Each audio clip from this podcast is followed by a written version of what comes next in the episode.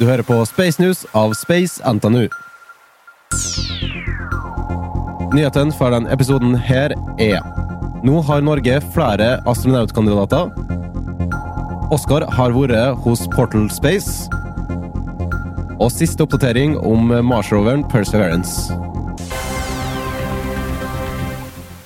Yes, Første sak, Oskar. Eh, hvordan kan Norge egentlig ha astronautkandidater når ESA rett og slett ikke tok inn noen fra Norge? Ja, altså det er via Nima Shahinian sitt prosjekt, der han utvikler et astronautprogram for private selskaper, der da astronauter skal være ansatt av det private selskapet istedenfor av NASA eller ESA. Ok, Så han har endra litt på den tradisjonelle astronautmåten, rett og slett? da? Ja, og tanken er da at vi skal få gjort en mye bedre jobb med å gjøre det på den måten. Mm.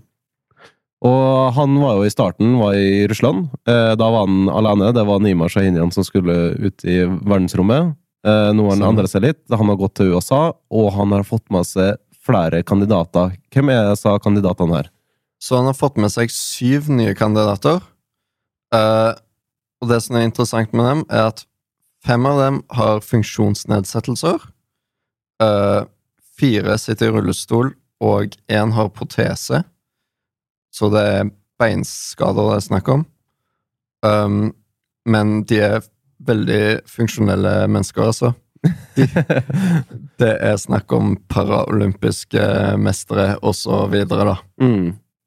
Og da, eh, no, eh, I hvert fall en av dem har jo vært med i kandidatprogrammet til ESA. Da, vel, de kom langt i løpet, men jeg kom ikke da helt til finish line, så vidt jeg har forstått. Ja, det stemmer. Det er et intervju hos Romkapselen med han, da. Mm. Um, og han er da veterinær. Uh, en av de som sitter i rullestol, er lege. Så de har ve veldig mye kunnskap om helse da, Mm. i dette teamet. Så da har vi da åtte kandidater. Første potensielle norske astronauten eh, i det teamet der. Og det, vi skal også teste noe nytt som er da første gang i verdenshistorien, rett og slett. da. Det å sette opp, eh, sende opp folk med funksjonsnedsettelse. Så da får Ja. vi teste litt utenom det vanlige, i tillegg til at det skal gjøre sin vanlige astronautjobb. Ja, altså Det er jo helt banebrytende, egentlig. Mm. Fordi det har aldri blitt satt opp, sendt opp noen til eh, verdensrommet som ikke har vært perfekte mennesker, liksom. Mm. Um, Men eh, hvor klare er så her eh, kandidatene her, da? Inkludert eh, Nima? uh, så Nima har jo vært gjennom den astronauttreningen han trengte. Mm. Uh, og mangler bare da å vite akkurat hvilken jobb han skal gjøre, hvilke eksperimenter som skal bli gjort, osv. Mm. Uh, og de andre er egentlig ganske tett i hælene på han, Mm.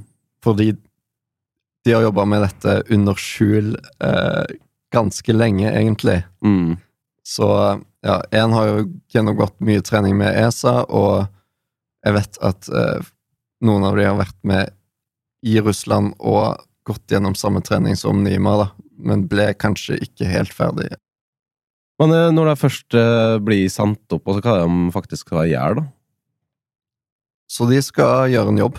Mm. De skal gjøre den samme typen jobben som det NASA-astronauter gjør på den internasjonale romstasjonen nå. Mm.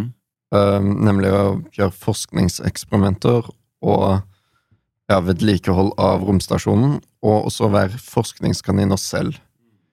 Um, og det at noen av de har funksjonsnedsettelser, er jo veldig banebrytende til den delen, da. Mm. Uh, hva skal du gjøre hvis en astronaut plutselig ikke kan bruke beina? Mm. Uh, hvordan skal man håndtere det? Og det er veldig mye interessant forskning som kan bli gjort der. Da. Ja, for det er jo, det her er jo toppkandidater. Altså det er jo, som du sa, OL-utøver, veteran, eh, topp lege. Eh, men vi har aldri fått sjekka den fysiske delen rundt at eksempel hvis et kne uh, ikke kan brukes, hva ting må vi ta hensyn til, hvordan får vi brukt det? Og alle astronauter er jo forsøkskaniner. Du testa det fysiske, hvordan, slik som vi fant ut etter hvert at uh, muskler blir brutt ned, og bein blir brutt ned når vi er i verdensrommet over tid. Alt det der er jo veldig fascinerende, hvordan menneskekroppen rett og slett blir påvirka der oppe, da. Ja, og vi vet jo ikke hvor mye forskjellig det den menneskekroppen kommer til å oppføre seg når du har sånne problemer. Mm. Så det er veldig, eh, veldig interessant, og vi håper på å få inn antall de kandidatene på sikt på en full episode på Spaceboden, så det er bare å følge med videre. Og du, Oskar, du har vært ute i felt. Du var i Oslo.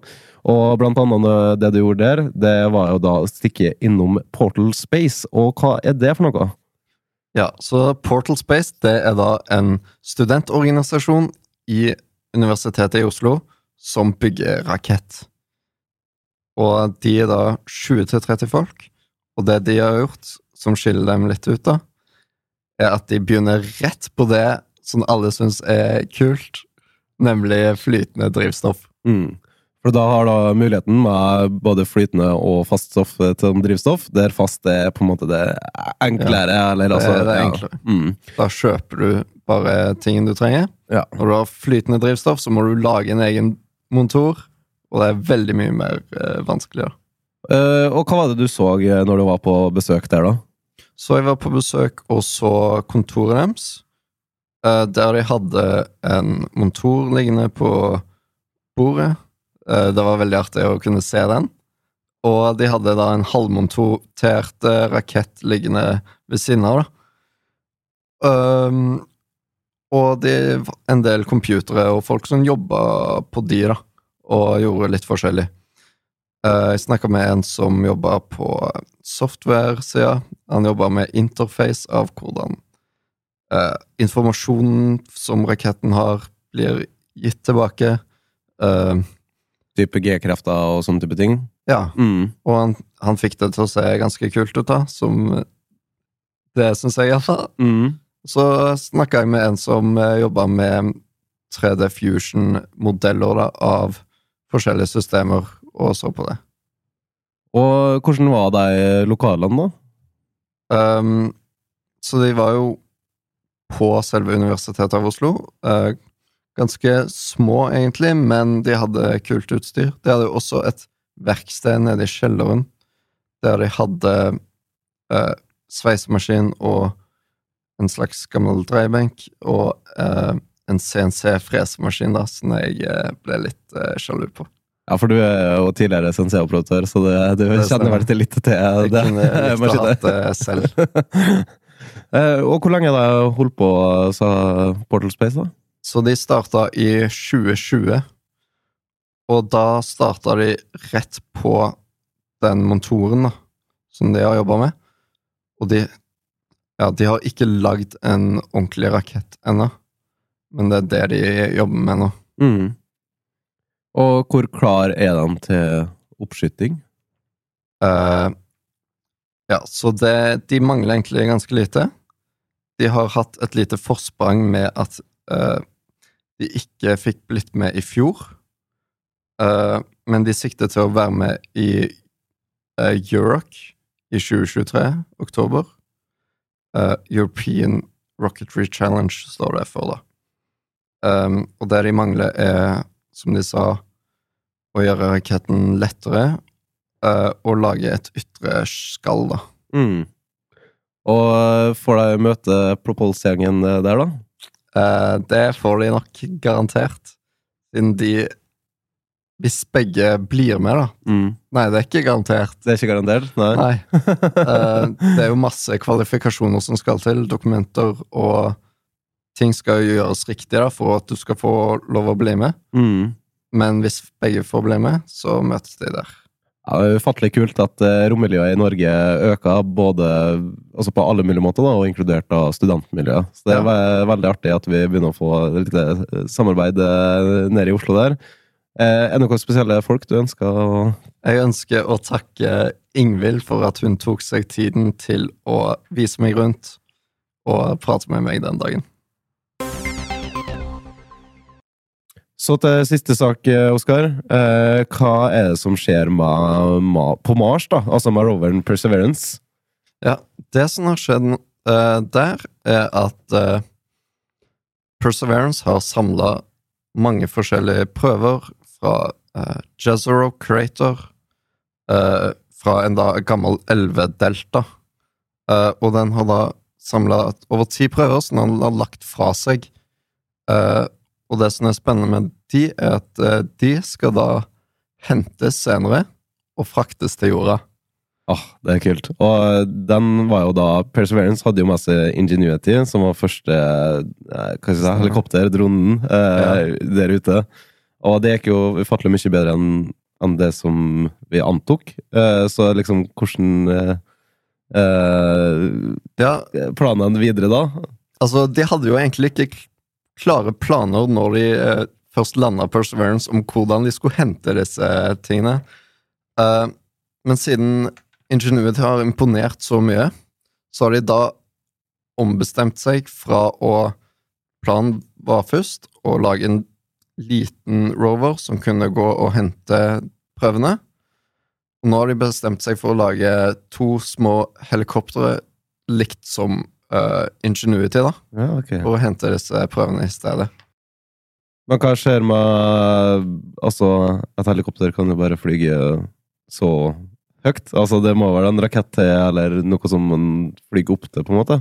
Ja, ja så tingen er at uh, de skal sende en lander med en rakett på.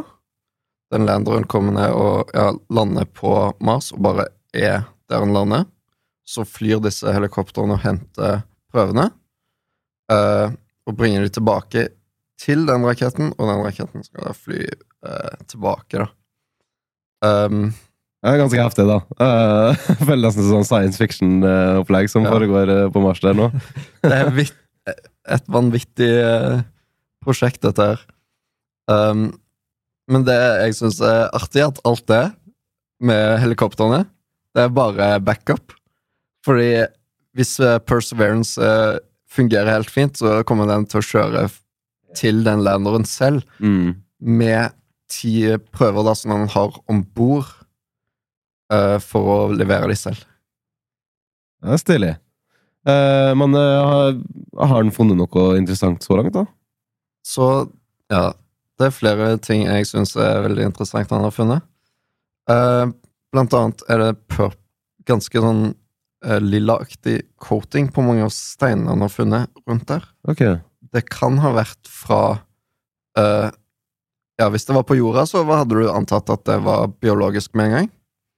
Um, men det er ikke 100 sikkert, da. Det kan være andre ting. Mm. Um, og så ja, er det et par andre eksperimenter da, som jeg er fan av, der um, han har et par magneter plassert rundt omkring. Mm. Um, og da tester du da om uh, støvet på Mars uh, kan bli repelled fra de magnetene, da. Mm. Og ja, det ser du da tydelig på roveren nå, hvis du ser bilder av det, at det, rundt noen små greier så er det ingenting støv. Ja, ok. Fordi, ja, For det, det er magnetisk støv, rett og slett? da? det er jo Mm. Men ikke alt støvet er magnetisk. Ja, okay. Men nok av det er magnetisk til at Alt støvet alt støvet blir dytta vekk, da. Så kanskje det kolliderer med hverandre og sånne ting. Ja. Så er det også et eksperiment som heter eh, MOXIE. Um, ja, det er en veldig langt akronym. Jeg skal ikke ta altså, en NASA-akronym er jo Ja. sånn vanligvis Um, ganske lang. Men det er da et eksperiment som gjør atmosfæren på Mars om til eh, oksygen. da. Hente ut Ah, oksygen fra CO2-en. det er jo ganske stille, da. Så jeg anbefaler Marsky på YouTube for eh, små, raske videoer eh, om ting som skjer på Mars. Akkurat. Men eh, det var det vi hadde for i dag, Oskar. Eh, tusen takk for dere som hørte på. Du hørte på Space News med Erlend Sammelåst og Oskar Arne.